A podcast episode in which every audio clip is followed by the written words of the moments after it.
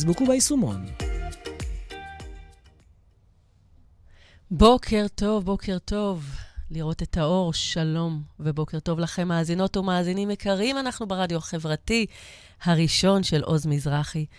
כל יום ראשון בשבוע, היום אה, ד' בשבט, ואני כאן איתכם כדי להנים לכם את היום הראשון של השבוע, כדי לראות את האור, להתנתק ממה שקורה, להביא מחשבות חדשות, דיבורים חדשים ומהירים באוצרות ארון הספרים היהודי. יחד אנחנו נאמן את השריר הזה שאפשר לקבל כשלומדים, להגביה עוף ולראות הכל יותר גבוה. ניגע בנקודה של אור מפרשת השבוע, נקודה של אור בספר התניא, ונקודה מהירה במשנתו של הרבי מלובביץ'. שבוע מלא בשורות טובות שיהיה לנו, אבל רגע לפני כן אני רוצה לפתוח בתפילה לשלומו של עידן בן טובה. כן, אתם מכירים אותו בכל מיני תארים. זמר, יוצר, שחקן, לוחם, עידן עמדי. הוא עכשיו הפך להיות עידן בן טובה. זה השם שלו, לתפילות ולרפואה, אחרי שהוא נפצע קשה בעזה. עידן, כשהוא שיתף עיתונאים, אה, כשהוא יצא עם השיר החדש שלו, שהוא כתב בהשראת הרב לאו, ממשיך לצעוד, הוא כתב להם ככה: ב-1942, בגיל חמש, ניצב הרב ישראל מאיר לאו. אז הוא היה ילד נמוך קומה, מבוהל, שעונה לשם לולק. יחד עם משפחתו הוא היה במגרש השילוחים שבעיר פיוטר רקוב שבפולין, והוא צפה במפקד הגסטאפו מכה את אביו, באלה, משום שלא גילח את זקנו ופאותיו. בשנים שעברו מאז, הוא איבד כמעט את כל המשפחה למכונת הרצח והרשע של גרמניה הנאצית. הרב לאו היה צעיר המשוחררים ממחנה הריכוז בוכנוולד, שעל שערו התנוסס המשפט הנורא, כל אדם לגורלו. וכך ממשיך וכותב עידן עמדי לכל העיתונאים כדי שיכירו את השיר החדש שלו. קראתי את הספר של הרב לאו רגע לפני הגיוס לצה"ל. הוא שינה את חיי, ואת הבחירות שאותן עשיתי מאז. זוכר את עצמי כמפקד צעיר מקריא לחייליי מתוכו ואת הקטע הבא במיוחד. הוא מובא בתחילת הספר מתוך נאום שנשא הרב בטקס פרס ישראל ביום העצמאות ה-57 של המדינה. וככה מצטט עידן עמדי את אחיו, את, את הרב לאו, שמדבר בטקס. אחי, יושב כאן. הוא נפרד ממני כמו הולך בדרכו האחרונה בתוך בוכנוולד, ואמר, אתה ילד גדול, עוד מעט בן שמונה. אני חייב לומר לך את האמת. אין לנו אבא, אין לנו אמא. גם אני הולך. אתה נשאר לבד. אינני מאמין שהגיהנום הזה ייגמר. אבל אם התופת הזאת תסתיים ואתה תישאר בחיים, סחור, כי יש בעולם מקום ושמו ארץ ישראל. חזור אחריי, ארץ ישראל. רק לשם תלך, זה הבית שלנו. שם לא הורגים יהודים, זה הבית. את המשפט, כל אדם לגורלו, מצליח לפורר המשפט, כל ישראל ערבים זה לזה.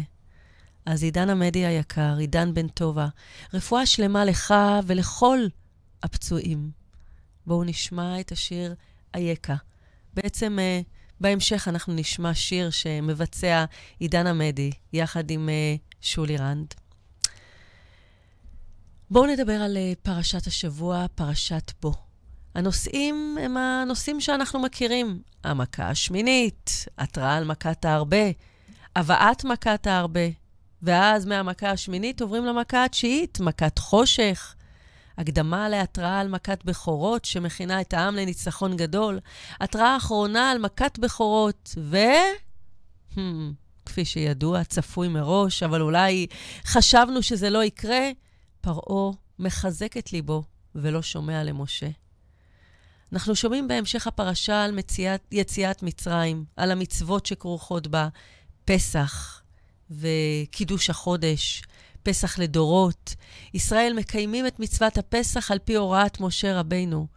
ובסוף, המכה העשירית, מכת בכורות, תגובת פרעה והמצרים ויציאת מצרים. פרעה והמצרים ממהרים לשלח את העם ממצרים מיד אחרי שפרעה מבין שהוא בכור ותכף, גם הוא הולך לחטוף את, המראה, את המכה הנוראה מכולם. בני ישראל יוצאים ממצרים בחיפזון, אבל, כמו שציווה אותם הקדוש ברוך הוא, הם לא מוותרים על נטילת הרכוש מהמצרים. בני ישראל יושבים במצרים 430 שנה, והם מבינים שכל המצוות שהם צריכים אחר כך לשמור, או הרבה מהמצוות, הן מצוות שהן זכר ליציאת מצרים. מה המצוות האלה? מצוות קדושת הבכורות, מצוות זכירת היום והחודש של יציאת מצרים, פסח דורות שכולל איסור חמץ ומצוות אכילת מצה, ההגדה לבן ותפילין, פרטי מצוות קדושת בכורות. אז זה היה על uh, קצה המזלג, קצת מהמסר אמ, של הפרשה. והשיחה של פרשת בו זה עצם גאולת מצרים. זה הרגע שבו יצאו צבאות השם ממצרים בפועל. וההקדמה לזה הייתה בציווי השם למשה, בוא אל פרעה, בוא, בוא, אנחנו הולכים ביחד, יאללה, בואו, בואו, נלך ביחד. כשהקדוש ברוך הוא אומר למשה, בוא אל פרעה, לא מדובר אל פרעה המלך בארמונו, מקום ששם משה כבר חשש והיה שם, והוא אפילו לא פחד ולא חשש כי הוא גדל שם. הוא לא חשש לא מהאיש ולא מהארמון. הפעם מדובר על פרעה אמיתי, על פרעה של קדושה, על הקיצוניות השנייה, על הארמון של קדושה. ומשה כן מפחד, כי יש מקום עליון שבעליונים, גבוה שבגבוהים ופנימי שבגביעים, שהוא ארמון פרעה של קדושה. מקום שבו התפריעו מיני כל נהורין, מתפרעים כל האורות, מקום שהוא עצמות ומהות, בלי הגבלה, בלי מדידה, אורות מכל הכיוונים. כי להגיע לשם זו דרך שאין ממנה חזור. זו אמת שאין אחריה שקר. והקדוש ברוך הוא אומר לו, למשה רבנו, בוא ביחד, חדר אחרי חדר, נעבור. אני אגלה לך את כל הסודות, נכבוש ביחד, בעצמיותך. זאת הייתה ההתחלה של גאולת מצרים. זה היה כיבוש הארמון של פרעה שלמעלה, שבפנימיות, ומה שהיה הוא שיהיה. הגאולה האחרונה והשלמה, האמיתית, מתחילה בבוא אל פרעה. כל אחד ואחד מאיתנו צריכים לבוא למקום של הפנימי, שבמיוחד הכי הכי אצלנו, וללכת דרך הפחד, דרך הכאב, דרך הבושה, דרך התסכול, דרך האכזבה, ולא לראות שם את הדמות הרגילה איתה אנחנו קמים בבוקר, אלא לגלות את הדמות האמיתית, את ההשתקפות של עצמות ומהות בגוף גשמי ממש. אז uh, יש לי סיפור, סיפור uh, מיוחד במינו, סיפור שהוא עבורכם, סיפור על uh, שודד דרכים שעצר נוסע ותבע ממנו את הכסף שלו באיומי אקדח. אל תראה, אמר הנוסע, אני אתן לך את כל הכסף, אבל אני מבקש ממך טובה. אם אני אגיע הביתה בידיים ריקות, אשתי לעולם לא תאמין ששדדו אותי ותאשים אותי שבזבזתי את הכסף על הימורים או על משקאות חריפים ותכה אותי ללא רחמים. תעשה לי טובה. תראה כמה כדורים דרך הכובע, כדי שאני אוכל להוכיח לה שהתעכבתי, אבל זה לא היה באשמתי. השודד לא ראה סיבה שלא להסכים לכך, וירה מספר כוכבים דרך הכובע של האיש. תודה רבה, אמר לו הנוסע. אבל אתה לא מכיר את אשתי, תגיד שניקבתי את הכובע בעצמי ושאלה בכלל לא חורים של כדור אקדח. אז הנה, קח את המעיל ותראה כמה כדורים דרכו ממרחק קצר, כדי שיישארו על המעיל סימני אבק שרפה. זה בטח ישכנע אותה. כשהנוסע ראה שהלחיצה האחרונה על ההדק הפעילה מחסנית ריקה ושהשודד השתמש בכל הכדורים שיש לו, הוא התנפל מיד על השודד, הפיל אותו על הקרקע, לקח את הארנק שלו וברח משם. הסיפור הזה סופר במקור על ידי רבי נחמן מברסלב, והוא ממחיש את הדפוס הטרגי של החיים של הרבה מאוד אנשים. לכל אחד מאיתנו יש גנב. גנב שנמצא בתוכו. איזושהי נטייה שלילית או רגע שלילי ששוכן בתוכנו. הגנב הזה מנסה בלי הרף לגזול מאיתנו את התכונות הטובות והרוחניות שטמונות בנו, אבל רבים מאיתנו מגלים את הנכונות ואת העוצמה להיאבק בגנב שלנו רק אחרי שהוא ירה בנו את כל הכדורים. רק אחרי שהרשינו להתמכרויות הלא בריאות ולדחפים ההרסניים לאכול אותנו.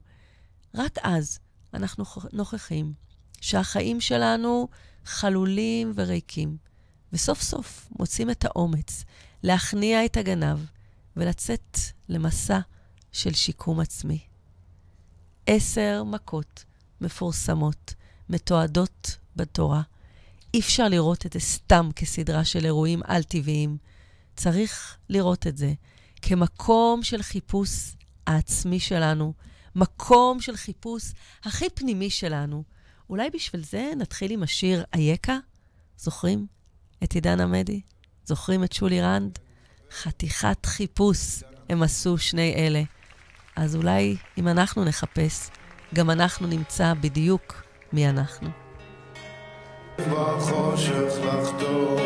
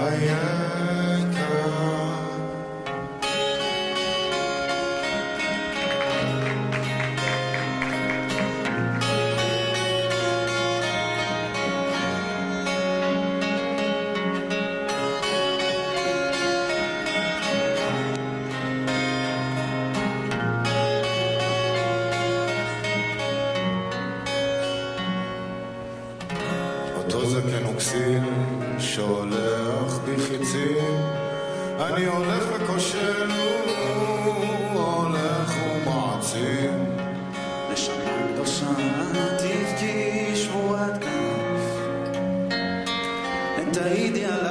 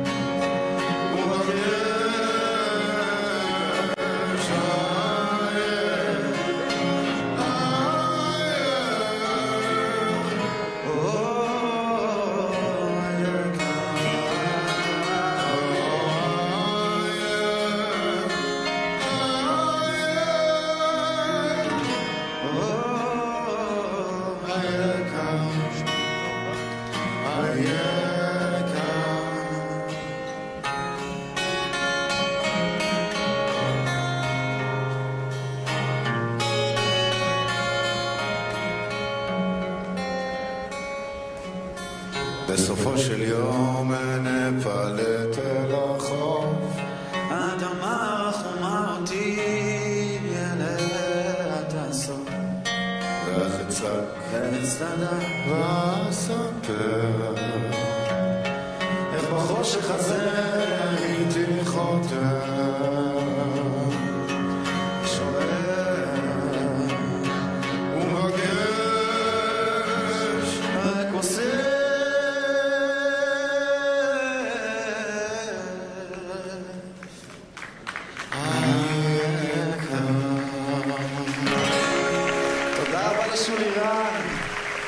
באמת אה, תודה רבה לשולי רנד, תודה רבה לריבונו של עולם. באמת, אה, רק הוא יכול אה, לדעת איפה הוא, איפה אנחנו, איפה אנחנו ברגע הזה בחיים. אז היינו בעשר המכות. זה... אי אפשר לראות את זה סתם כסדרת אירועים על-טבעיים שהחריבו את ממלכת מצרים לפני 3,300 שנה. התורה זה לא רק ספר שמתעד סיפורים עתיקים, התורה היא מדריך לחיים, ספר הדרכה להתפתחות האנושות, ולכן האפיזודות שמתועדות בתורה מייצגות סיפורים רוחניים נצחיים שמתרחשים שוב ושוב בלב של כל אחד. איך אפשר ליישם את סיפור עשר המכות לחיים שלנו האישיים במאה הזאת? אז הנה נקודה של אור בספר התניא. ספר התניא מספר לנו שכל נשמה היא אנושית, והיא מורכבת מעשר נקודות אנרגיה, עשר תכונות שמרכיבות את האישיות הפנימית. שלוש התכונות הראשונות יוצרות את הזהות התת-מודעת של הנשמה, של הכוחות הקוגניטיביים, חוכמה, בינה ודעת. שבע התכונות האחרונות יוצרות את הפרסונה הרגשית של הנשמה. עשר תכונות אלה ידועות גם בשם שלהם, עשר הספירות. ולכל אחד מאיתנו יש בחירה בחיים. אנחנו יכולים לזכך ולתקן את עשר התכונות הללו כדי שהם יביעו את האור הפנימי והרוחני, או שאנחנו יכולים להשחית ולהרוס את אותן תכונות על ידי שימוש בדרכים לא בריאות ולא מוסריות. מצרים העתיקה, על התוכנית הדמונית שלה להשמדה יסודית של עם שלם ולהכחיד, בחרה ללכת בשביל השלילי. העם המצרי המקורי סילף את כל עשר התכונות של הנשמה. האנרגיה השלילית שנוצרה כתוצאה מהסילוף של כל כך הרבה נשמות, שבה וחזרה אל ארץ מצרים בצורת עשר המכות שפקדו אותה. כן, גם בחיים האישיים שלנו, מצרים משקפת מצב של חוסר תפקוד פסיכולוגי. מצב שתכונה אחת או כמה תכונות של הנשמה נעשות מעוותות ולא מתפקדות כמו שצריך. וככה מעכבות את היכולת שלנו להגשים את עצמנו בצורה אמיתית. מצרים, שינוי קל של ניקוד ומיצרים, מכשולים. כשאנחנו לא מצליחים לעמוד בפני היצרים שלנו, אז התכונות המסולפות יכולות לחזור אלינו בצורת מכות פסיכולוגיות. אז לפני שנמשיך ונתמקד עם המהלך הפלספני שהתחלנו כאן, עם פריסת עץ החיים שמורכב מכל עשר הספירות, בואו נעשה אתנחתא קטנה.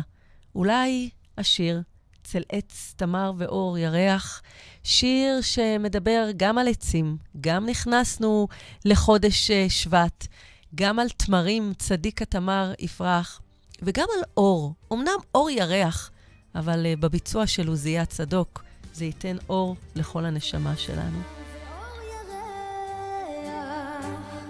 ומנגינת קינות תקסים מצלם, ולהצליל הורד בוקר,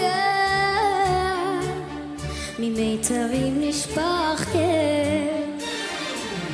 נגן כינור, נגן שיריך, ורב החושך והשקט סביב,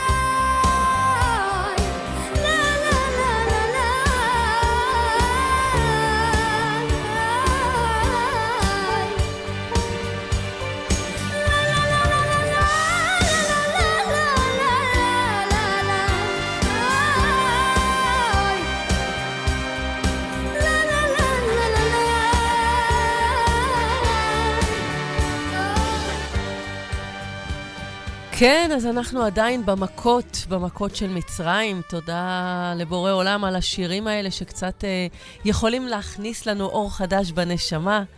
אבל המכה העשירית והאחרונה, שבמהלכה מתו כל בכורי מצרים, הייתה המכה הקשה מכולם. היא שיקפה את העובדה שהתעללות המצרית בנשמה לא השפיעה רק על יכולותיה המודעות, אלא היוותה והרסה גם את הכוחות העל-מודעים.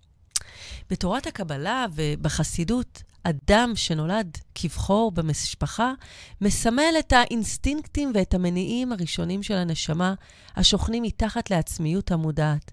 קשה יותר לפגוע בממד הזה של האישיות, כיוון שהוא נסתר ולא נגיש.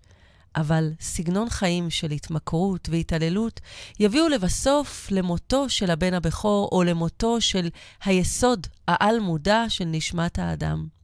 זה היה הכדור האחרון ששם קץ למעגל השטני של ההתמכרות וההתעללות במצרים. בני העם היהודי שוחררו לחופשי והיו בדרכם לקבל את עשר הדיברות. לפ... רגע לפני שנדבר על עשר הדיברות, בואו נדבר על המכת בכורות. אז פרעה באמת היה בכור, וברגע שהוא ראה שזה מתקרב קרוב, קרוב, קרוב אליו, אנחנו יודעים שהוא היה פסיכופת גמור. הוא אפילו לא רצה להראות את החולשות האנושיות שלו, ובכל פעם כשהוא היה צריך uh, לצרכיו, הוא היה יורד ליאור כדי שאף אחד לא ידע שהוא בן אנוש, והוא גם צריך צרכים uh, אנושיים לגמרי כאלה. אבל uh, כמו שאני אומרת, מכת בכורות היא באמת מכה. זכיתי להיות uh, בכורה, יש לזה יתרונות, יש לזה חוזקות, אבל יש לזה גם הרבה אחריות, הרבה עול, הרבה משמעות. ובאותו יום של ערב פסח, ממש לפני uh, שריפת חמץ, באותו בוקר, כל הבכורות אמורים לצום באותו יום, ולכן הם uh, עושים איזושהי uh, נדרים בבית הכנסת, כדי שהם יוכלו באותו יום להימנע מהצום. אז בואו נעבור מכאן לעשר הדיברות. מה זה עשר הדיברות? עשר הדיברות מקבילות לעשר המכות. בדיוק כמו שהמכות משקפות את הסילוף של עשרת כישורי הנשמה, עשר הדיברות מייצגות את שביל הריפוי הרוחני שבכל אחד מעשרת הכישורים האלה. כאשר אה, אנחנו יכולים להרשות לכל העשר לבטא את ההרמוניה והתפארת של המהות הרוחנית של האדם. המכה האחרונה, כמו שאמרנו, הייתה הקשה מכולם. עובדה שלאחר מכת בכורות, מסקיף, מסכים סוף סוף פרעה לשלח את עם ישראל החופשי. והקדוש ברוך הוא מצווה על עם ישראל לציין את יציאת מצרים כל שנה בשנה בחג הפסח. איזה שיר נשמע עכשיו? בואי, תבחרי את, מה את אומרת? היה אבא. בסופו של דבר, מי שהוציא אותנו ממצרים זה אבא, אז אנחנו זוכים עכשיו uh, לשיר המדהים של אביתר בנאי בביצוע של הזמרת הודיה.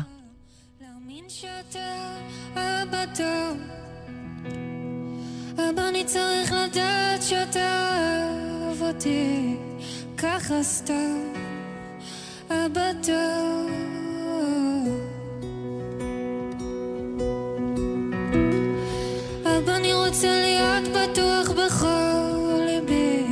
שלמסע הזה יהיה סוף טוב שכל מה שאני עובר בדרך יהפוך חולשה לעוצמה גדולה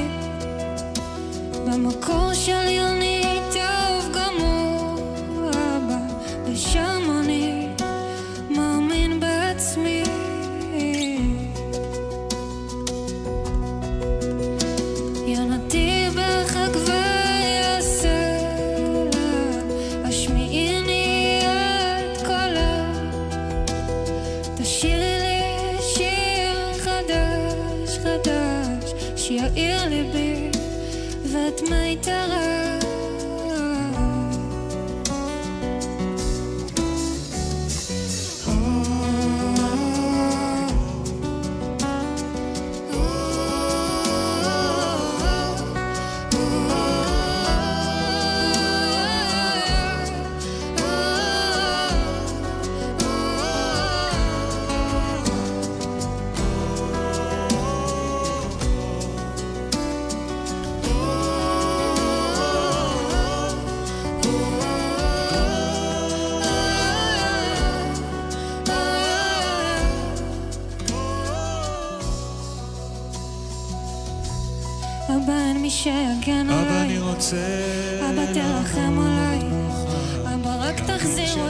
כן, זו התחושה לפעמים, אבא, אין מי שיגן עליי, אבא, תרחם עליי. חייבים אה, לעשות פה איזושהי תוכנית. אז אה, מאסטרטגיה לפעולה, מעשר מכות ליציאה ממצרים, מחזון וחלומות לגאולה שלמה. התכנון חשוב, אבל ברור שחייבים קודם כל להיפטר מהפחד, מפרעה קשה העורף שיושב לנו פה על הצוואר. וצריך לדעת שאנחנו אף פעם לא לבד במערכה. הקדוש ברוך הוא תמיד איתנו עבור המטרות הגדולות. יש לנו גב חזק, יש לנו גב בטוח ומבטיח, ואת זה חייבים uh, לזכור בתוך כל ההכנות מצידנו. הקדוש ברוך הוא רוצה שדווקא פה, בעולם הגשמי והתחתון, יתגלה אורו הגדול, וזו גם המטרה של הגלות ויציאת מצרים. הפרשה שמספרת על הגאולה נפתחת בציווי בוא אל פרעה. בוא זה איזושהי פקודה, ציווי. שם הפרשה מצביע, מצביע שאולי משה רבינו זקוק לפרעה, ולא להפך, עד שהשם מצווה אותו לבוא אל פרעה. למה השם מזמין את משה לבוא איתו? הרי משה נפגש כבר עם פרעה לבד כמה פעמים. משה רבינו מפחד להיכנס לבית של פרעה כמו שהוא, בשיא התוקף שלו, כי השורש של האיש הפרוע הזה, אמרנו את זה מקודם, הוא שורש קדוש, גבוה ונעלה. יש שם אור אינסופי של הבורא, ולכן זו הסיבה שהשם אומר לו, בוא, בוא איתי. המשימה היא לפזר אור, להוסיף בלימוד תורה, בקיום מצוות, בהפצת המעיינות לנשים ולילדים, כי לנשים יש יכולת התחברות לאין סוף העוצמתי, וככה לא ליפול במצבים של גזרות, ושיהיה לנו את האפשרות לצאת מהם. ככה יוצא שההשפעה של נשים גדולה יותר. כל שבוע אנחנו מפיצות את אור הקדושה בעולם בהדלקת נרות שבת, וכיוון שכוח של נשים זה בדיבור, אז המשימה שמוטלת עלינו זה הפצת האור בעולם, הדיבור והמעשה. התוכנית שלנו uh, מגיעה לסיומה. תכף אנחנו uh, נשמע uh, עוד שיר ככה שיזכיר לנו לחייך, לשמוח, להיות uh, במקום uh, שרואה את השני ורואה כל אחד ואחד בגודל שלו, בכבוד שלו, ובמיוחד לראות כל אחד באור הגדול. לפעמים האדם שמולנו לא יכול לראות את האור שלו עצמו, אבל זו המטרה שלנו, להסתכל עליו בגבוה שלו, להעיר אותו, בסבלנות אין קץ, באהבה גדולה ובחיבוק ענקי. בדיוק בשביל זה הקמתי את הקהילה שלי, חוכמת נשים. קהילה שבה נשים מתכנסות בכל שבוע ושבוע, לומדות ביחד ומוצאות את האור הגבוה. הלמידה סתם היא חשובה מאוד, אבל היום כל אחד יכול לפתוח את ערוץ היוטיוב ולשמוע שיעורים של מיטב המרצים, מרצי התד, הרבנים, הפסיכולוגים, היועצים, כמויות אדירות של פודקאסטים יש בכל מקום. אבל אנחנו מחפשים עבודה, עבודה פנימית אישית. וזו הסיבה שפתחתי את התוכנית חוכמת נשים, עבור נשים שרוצות ללמוד, שרוצות להיות בקהילה אחת, שרוצות להרגיש שייכות. כל אחד מכם יכול להצטרף, 058-521-7700, 058-521-7700. ואם אתם רוצים uh, לפנות uh, ולכתוב לנו נפלאות, בדיוק כמו ששומעים, המילה נפלאות באנגלית, נקודה m, נקודה s, שטרודל, gmail.com. אתם יכולים לפנות אלינו, ואנחנו נהיה שם, מהצד השני של הקו, בדיוק כדי להעיר גם לכם. וכאן מגיעה השעה שלנו לסיומה. אני שוב מודה לקדוש ברוך הוא על ההזדמנות להיות פה איתכם, לחוות רגעים של אור, אור התורה, אור הפרשה, אורו של הרבי מלובביץ', שהשבוע חל חג הנשיאות שלו, היום שבו הוא עלה על כיסא מלכותו, לפני um, 74 שנה, וביום הזה, כשהוא חשב איך הוא מאדיר את המנהיגות האדירה של אלפי השליחים ברחבי העולם, הוא הקים את ארגון הנשים, ארגון נשי ובנות חב"ד, כי בנשים הכל מתחיל. אז תודה רבה לכל העמלים במלאכה, תודה לרדיו החברתי, תודה לעוז מזרחי, תודה למי שערכה את המוזיקה הנפלאה ששמעתם כאן בתוכנית. אני מירי שניאורסון, מאחלת לכם חיים של משמעות, חיים של אור, ומחכה לשוב ולפגוש אתכם בעזרת השם בשבוע הבא, באותו מקום, באותה שעה. אל תפסיקו לחכות לגאולה, אל תפסיקו לצפות לישועה. האזנה ערבה, צהריים טובים, וגם השיר, חיוכים. נצחקים כולם. אם יש עוד קרקסים וליצנים ולא בספר, אם צחוק הילדים נשמע צלול ולא רחוק, צוחק השוק.